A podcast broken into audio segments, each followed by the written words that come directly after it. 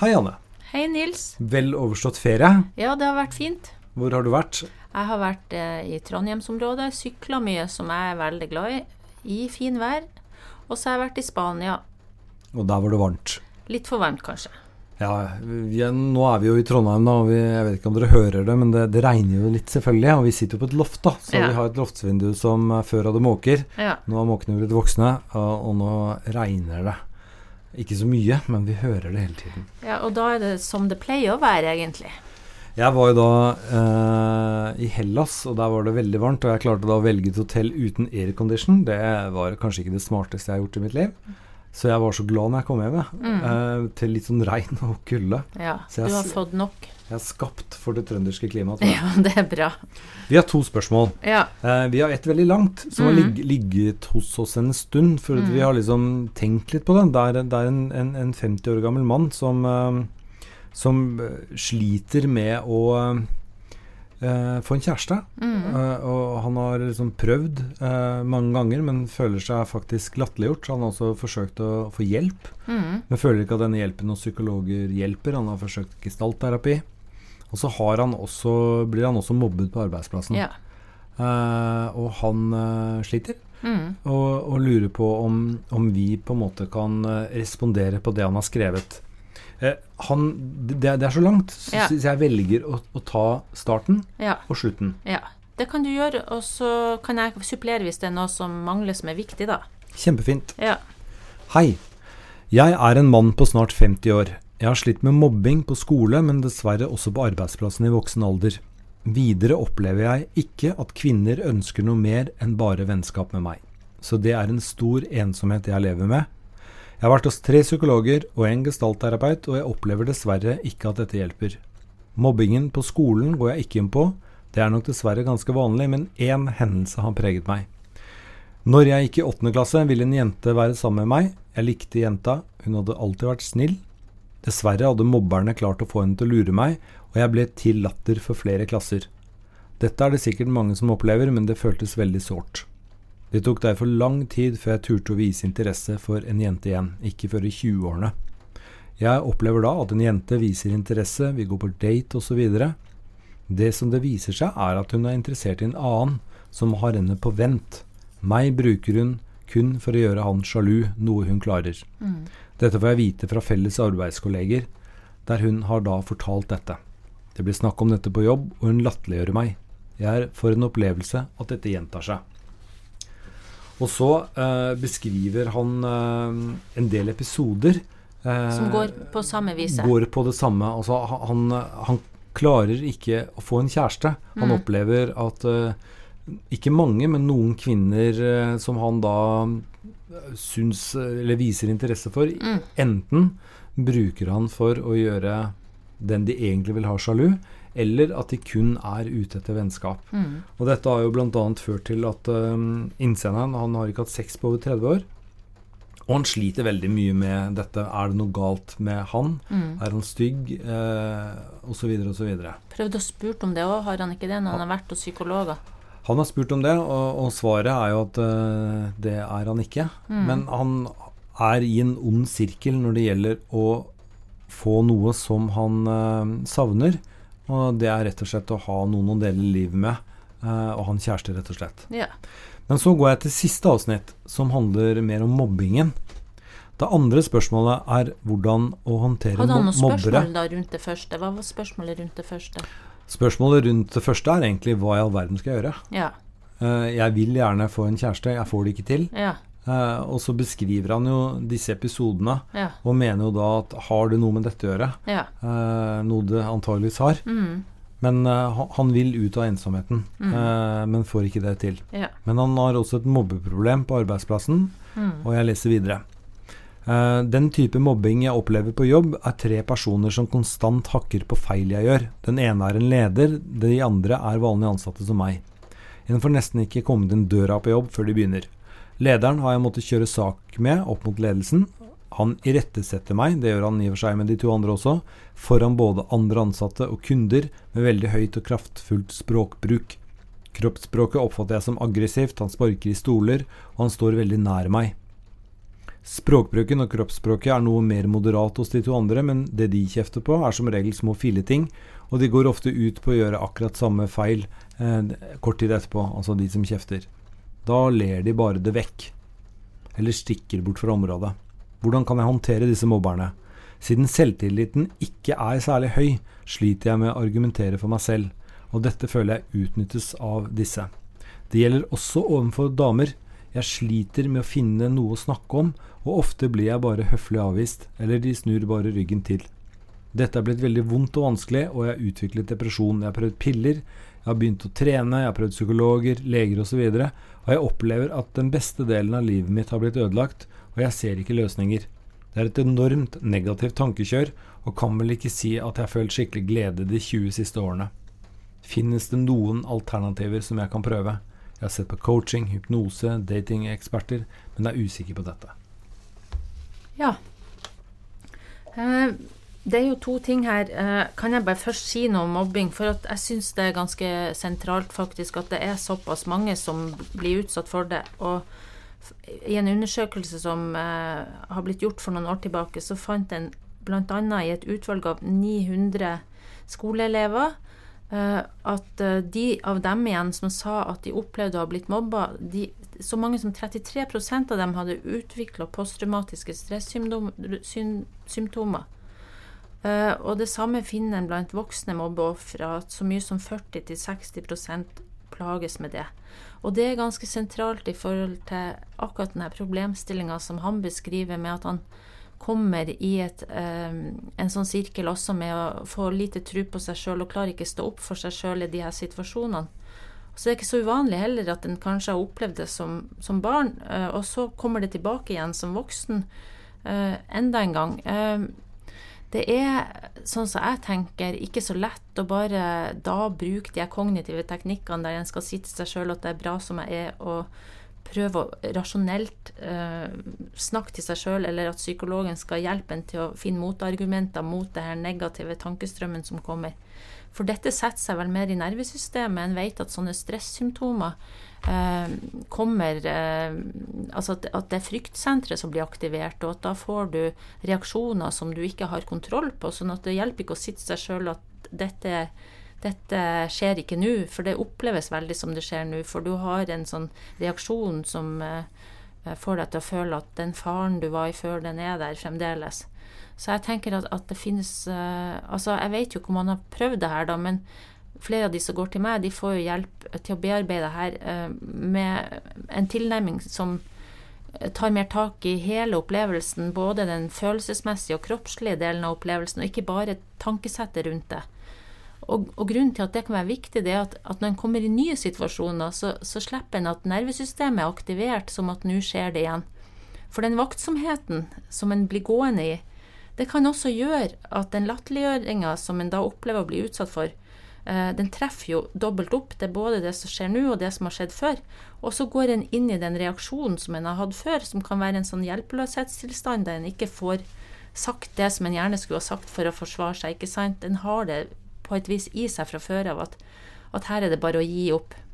Eh, sånn at eh, både det at bearbeiding kan hjelpe en å, å få um, en annen type reaksjonsmåte når det her skjer, og også kanskje av og til faktisk at garden kan senkes litt, for at mange som har vært utsatt for mobbing, de har også fått en veldig sånn sensitivitet for å oppleve seg latterliggjort. Sånn at det kan også være at, at, at ved å spørre andre og ved å, ved å, gå litt mer inn i det istedenfor å unngå det, så kan en faktisk finne ut at det var ikke ment så vondt som det ble sagt. Mm. Uh, jeg vil bare si at uh, jeg ser litt forskjell i de situasjonene han beskriver, da. Men igjen, jeg vet jo ikke 100% men, men jeg mener en sjef som, som roper og står tett på deg, og, og som andre òg reagerer på, er jo helt klart uh, langt utenfor grensen for hvordan en skal oppføre seg.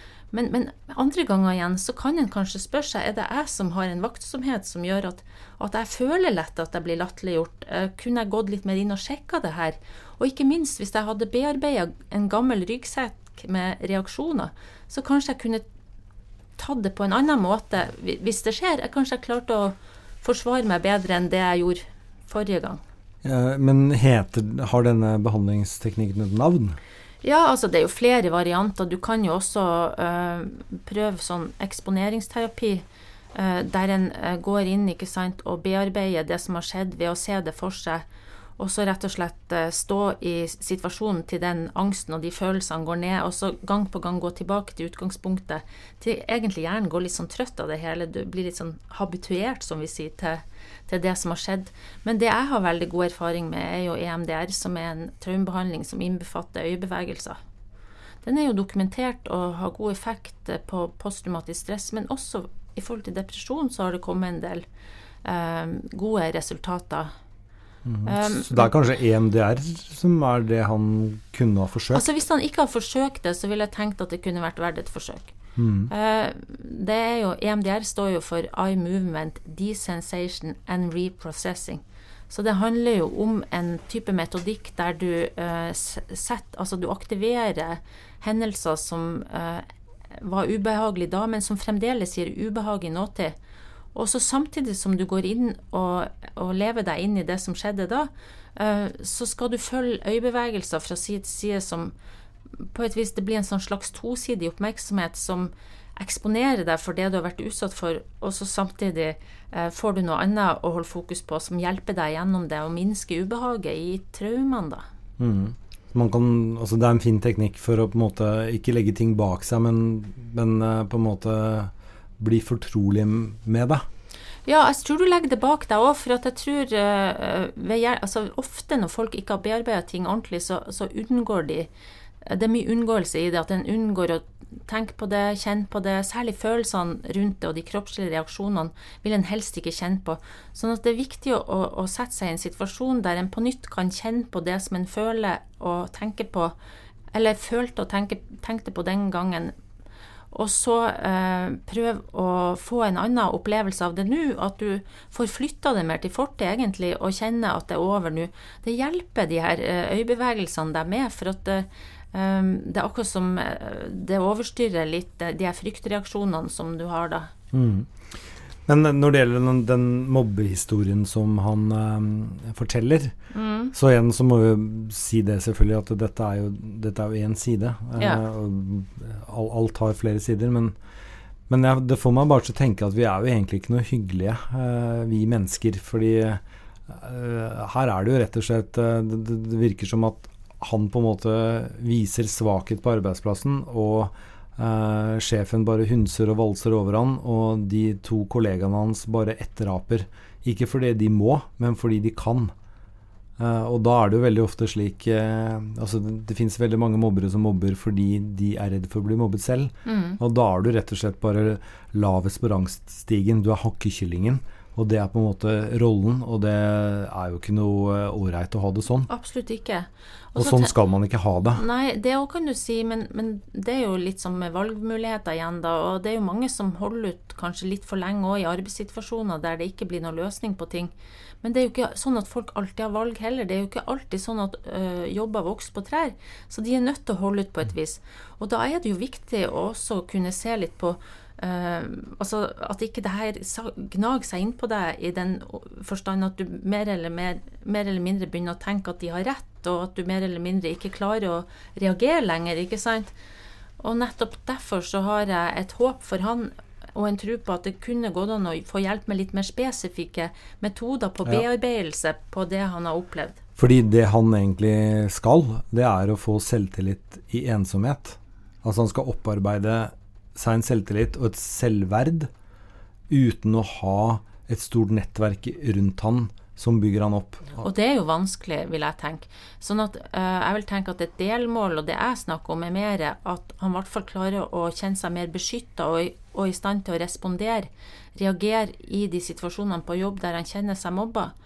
Uh, og nå vet jeg ikke hvordan han har det, men mange kommer i et mønster der de bare blir stum og unngår. Mm. De klarer liksom ikke å forsvare seg. Og som jeg vil frem til, så kan det ofte handle om at ting sitter sånn fast i deg også fra før av, av gamle opplevelser, som gjør at du, du har rett og slett ikke sjans heller, fordi nervesystemet ditt responderer som om det fremdeles skjer på samme vis som det gjorde før.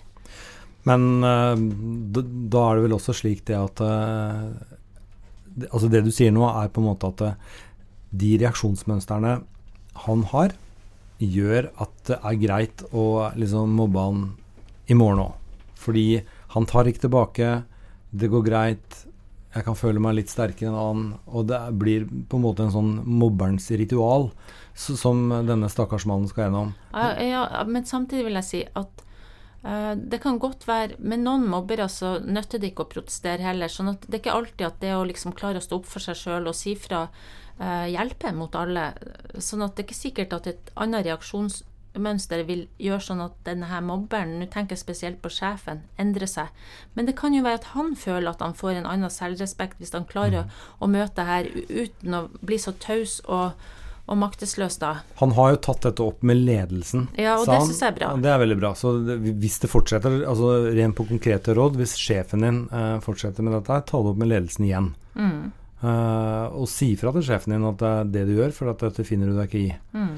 Uh, når det gjelder de to kollegaene, så går det an å kanskje vurdere et annet reaksjonsmønster. ja, si jeg tenker eh, litt det. At det jeg ikke vet her, og som han må tenke litt på, det er om, om denne latterliggjøringen de driver med, er det sikkert de er helt bevisste? Uh, har han fått sagt fra til dem at han ikke liker at de snakker sånn til, til han? Kanskje kan det være lettere å starte med å snakke med dem. Og det er jo ikke sikkert at altså, De kan bare ha tatt etter litt den sjargongen som er på arbeidsstedet. Og det kan jo være at dette er mennesker som ja. kan korrigeres. Ja, det ja. kan være. Til den andre biten Ja, eh, den handler, er jo vanskeligere. Den er, den er vanskelig. Ja. Um, for det, det, er, det, er, jo noe sårt uh, over det han skriver. Mm. Uh, det jeg tenker på, hvis vi begynner med lekmannen først ja, her, da. Det, du, du kan godt begynne. Det er, det er, det at eh, det er noe med de signalene han sender ut. Altså at eh, hvis jeg sier pære, så trenger ikke det bety at du oppfatter det som pære. Nei. Altså at han kanskje sender ikke et sånt kjærestesignal ut, men mer en sånn venn-signal ut. Ja. Og at det blir en overraskelse, nærmest, for de kvinnene han har vært borti. Ja. Når han da egentlig vil no ha noe mer. Sånn at det du sier nå, er at de kan ha tolka han eh, bare som vennlig og som en venn, og at de blir litt satt, uh, tatt på senga når han kommer med sin uh, At han egentlig er ute etter noe mer. Ja, det at de oppfatter han som noe annet enn det han ja. mener at de burde oppfatte han som. Ja. Fordi jeg tenker sånn statistisk sett så er det ikke mulig å ha så uflaks som vår innsender har, med, med, med så mange um, kvinner som enten latterliggjør han, og det var i starten. Mm. Eh, og, og, sånn er dessverre ungdom. Altså Der har han hatt uflaks. Eh, det var også Den første episoden var, var jo en, et ledd av en sånn mobbe Så det skjønner jeg godt at det var veldig sårt der og da. Ja. ja. Og jeg kan jo nesten huske lignende episoder ja. fra min ungdomsskole. Ja. Så, så det, han har rett i at det der skjer. Men så, så, i voksen alder, så på en måte Men én ting er at det setter så dype spor i, i vår innsender ja. at han vegrer seg for å ta kontakt på mange år. Ja. Så, så, så dype spor tar det. Og ja. det er et godt argument for å, å virkelig prøve en behandling, slik at man kan forstå Altså, han lever jo tydeligvis med dette ubehaget fortsatt, og han må på en måte altså mm. EDMR, var det det du kalte det? EMDR. EMDR. Det høres ut som en, en god ting. Men til de kvinnene han har truffet i voksen alder, så aner jeg bare et sånt mønster som kan være noe av det jeg snakket om, at han mm. mener selv at han på en måte er klar eh, i hvordan han kommuniserer at han vil ha mm. noe amorøst. Mm. Men jeg holder det for meget sannsynlig at eh, det har ikke disse oppfatta. Mm. Eller det kan være så, så her, her må man egentlig være kanskje litt mer tydelig, da. Ja, og så kan du også si at etter hvert så har han jo blitt mer forsiktig også. Det er jo en sånn ond sirkel, for han sier også etter hvert at han kanskje ikke finner så mye å snakke med damer om når han møter dem og sånn. Nettdating tenkte jeg også på. Ja. Det må jo være helt perfekt for han, for der kan du jo skrive. Ja. Ja, han er jo god å skrive. Ja, så, det ser jo vi. Så, så der kan det jo Det kan jo godt være at kvinnen i hans liv eh, bor eh, fem kilometer unna, eller kanskje 500. Det du sier, Nils, eh, som den evige kjærlighetsoptimist du er, det er at den må aldri gi seg. Er, nei, altså helt oppriktig så tror jeg at det fins en rette for alle. Ja. Og opptil flere også. Ja. Så altså, vår venn må jo, må jo få seg en kjæreste. Ja. Og ja, jeg ville slått et slag rett og slett for, for nettdating, ja. Jeg vil også si at uh, det er en del folk altså det er en, det er jo forbundet kanskje litt Jeg syns det er bra han tar opp det, for det er kanskje forbundet en del skam i vårt samfunn med å bli ensom, bli ensom og ikke får seg noe kjæreste. Men det er ikke sånn at, at det ikke Altså, det, det er et velkjent uh, problem for mange av de som kommer til meg. Jeg har folk som kommer til meg som heller ikke har hatt seksuell kontakt på mange år, eller kanskje aldri har hatt det, og, og kanskje både er 30 og 40. og og 50, faktisk. Sånn at jeg tror det er en del tabu ute og går her. Så en kan jo i sammenligning med andre også føle at en er den eneste. Sånn at Jeg satt og tenkte litt mer sånn nettverk, og sånn òg er det. At, at, kanskje kan en av og til Men det kan godt være han har prøvd det, men, men, det er jo mange som sier det, at kanskje melde seg inn altså en eller annen hobby, en eller annen interesse, der, ja. en, kan, der en kan møte folk eh, med, mer med fokus først på de felles interessene, da. Og, og det er et godt poeng, fordi vi har alle sammen enten noe Der mister du manuset ditt. Ja. Eh, vi har alle sammen noe vi enten er veldig gode til, eller så har vi noe vi kan bli veldig gode til. Ja.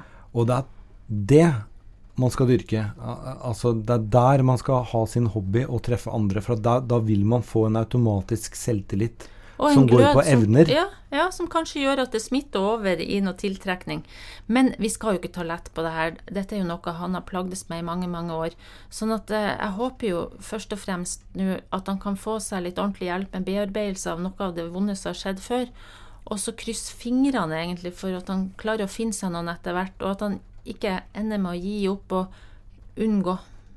Men EMDR, hvis det var det var eh, ja. rett sagt, det slår jeg et slag for. Altså. Ja. Det, det, høres veldig eh, riktig ut. Og det jeg kan si om det, er at EMDR Norge har en hjemmeside uh, som du finner hvis du søker på emdrnorge.no, uh, der det står oversikt over terapeuter som er sertifisert, for at det er en metode du må sertifiseres for å kunne drive med. Den er jo litt kraftfull, sånn at det, det er helsepersonell bare som driver med det her. Og Der står det litt om forskning, og det står litt om hvordan det virker, og hvordan det Ja, for jeg fikk jo ikke sagt alt nå, så det er jo, det er utømmelig, egentlig. Men det er mye evidens som viser at det kan virke. Ja, evidens er da bevis. Ja, sant ja. nok. Ja. Ja. Da går vi, vi Jeg håper ønsker deg lykke til eh, til vår innsender, og vi går videre til eh, neste spørsmål. Det gjør vi. Det er et litt eh, kortere et. Da må jeg på gulvet, Nils, for det var det som datt ned. Ja. Og det er det som du finner der. Der. Da leser jeg. Ja. Hei, jeg er bildekunstner og jobber med et prosjekt knyttet til den norsk-russiske grensen. I 2012 krysset jeg en kollega ved uhell den norsk-russiske grensen. Vi ble tatt og opplevde å være i fangenskap i om lag 13 timer. Alt gikk bra, vi ble en erfaring rikere og noen tusen kroner fattigere. I fjor dro jeg tilbake og gikk langs store deler av grensen. Nå for å lage et kunstprosjekt. Temaet er selvvalgt og bygger på opplevelsen fra 2012. Jeg ser at min interesse for temaet er også fordi jeg ønsker å se det som hendte på nytt inni meg og fremfor meg, og kjenne på de følelsene jeg får. Mitt spørsmål er om man innenfor psykologien har en beskrivelse av fenomenet, at den som har brutt loven, eller cross the line, gjerne vil tilbake til åstedet, og om hvilke begreper det beskrives med. Jeg liker det spørsmålet her, men jeg har ikke funnet noe begrep eh, som passer til det. Men jeg har en del tanker rundt hvorfor folk oppsøker det stedet der de har vært utsatt for ting. Eller, eller eh, du kan jo også sjøl ha begått noe overtredelser, ikke sant. Eh, men jeg tenker det handler litt om det samme vi snakka om sist, at enkelte hendelser er såpass sterke eh, at de lever levende i deg, og at du kanskje har opplevd manglende mestring eller kontroll i de situasjonene eh, som det gjelder og at du har noen følelser og reaksjoner knytta til det som du gjerne kunne tenkt deg å, å, konfrontere, for du ønsker å få en annen opplevelse av det. Så i psykologien så er det jo velkjent eh, altså når Jeg, jeg snakka litt om eksponeringsterapi i stad, og da snakker en om in vivo-eksponering. I virkeligheten. Eh, og annet eh, noen av de ungdommene som var på Utøya.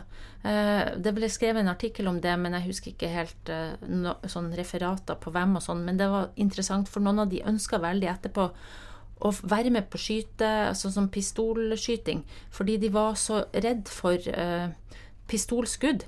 Og da ønska de å konfrontere seg med å lære seg til at det skulle gå bra.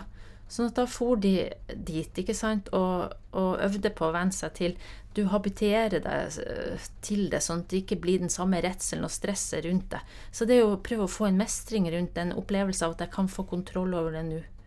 Jeg tror det er derfor folk drar tilbake der de har opplevd ting. De vil gjerne, Mange av de som går til meg, sier jo at jeg vil gjerne tilbake til der han døde, eh, der det skjedde. Eh, og at de frykter. Det er mye frykt knytta til det.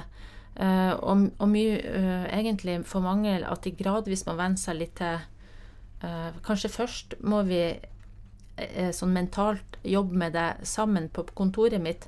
Men på sikt sånn, så er det et mål for flere at de ønsker også å være der og prøve å stå i det og fronte det som de kjenner på. Mm.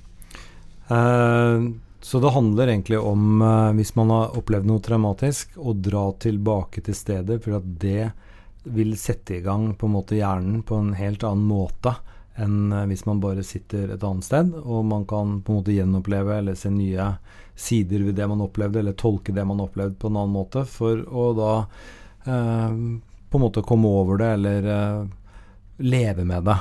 Eh, ja. Så har du vel også noen som drar tilbake til et åsted fordi de er stolte av det, ja. men eh, det regner jeg ikke med er eh, Så klart de gjør det. De drar tilbake for å få litt den samme gode følelsen som ja. de hadde når det som skjedde, skjedde. Men eh, som sagt, eh, noen mener jo at, at, hvis du skal eksponere skikkelig, så må, er du nødt til å gjøre det i virkeligheten. Så hvis du tenker edderkopper og slanger og sånne ting, så, så tenker en at da må en ta på den slangen, da må en ta på den edderkoppen. ikke sant? Så innenfor psykologien så har en jo lenge jobba med metoder der en prøver altså Eksponeringsterapi, det er jo det en gjør. Prøver å få folk til å overvinne den frykten og stå i det, sånn at angsten går ned. Men et veldig interessant kunstprosjekt. for Jeg bare tenker, for, for, se for meg tre bilder videre. Jeg, jeg ser for meg Slik opplevde jeg det.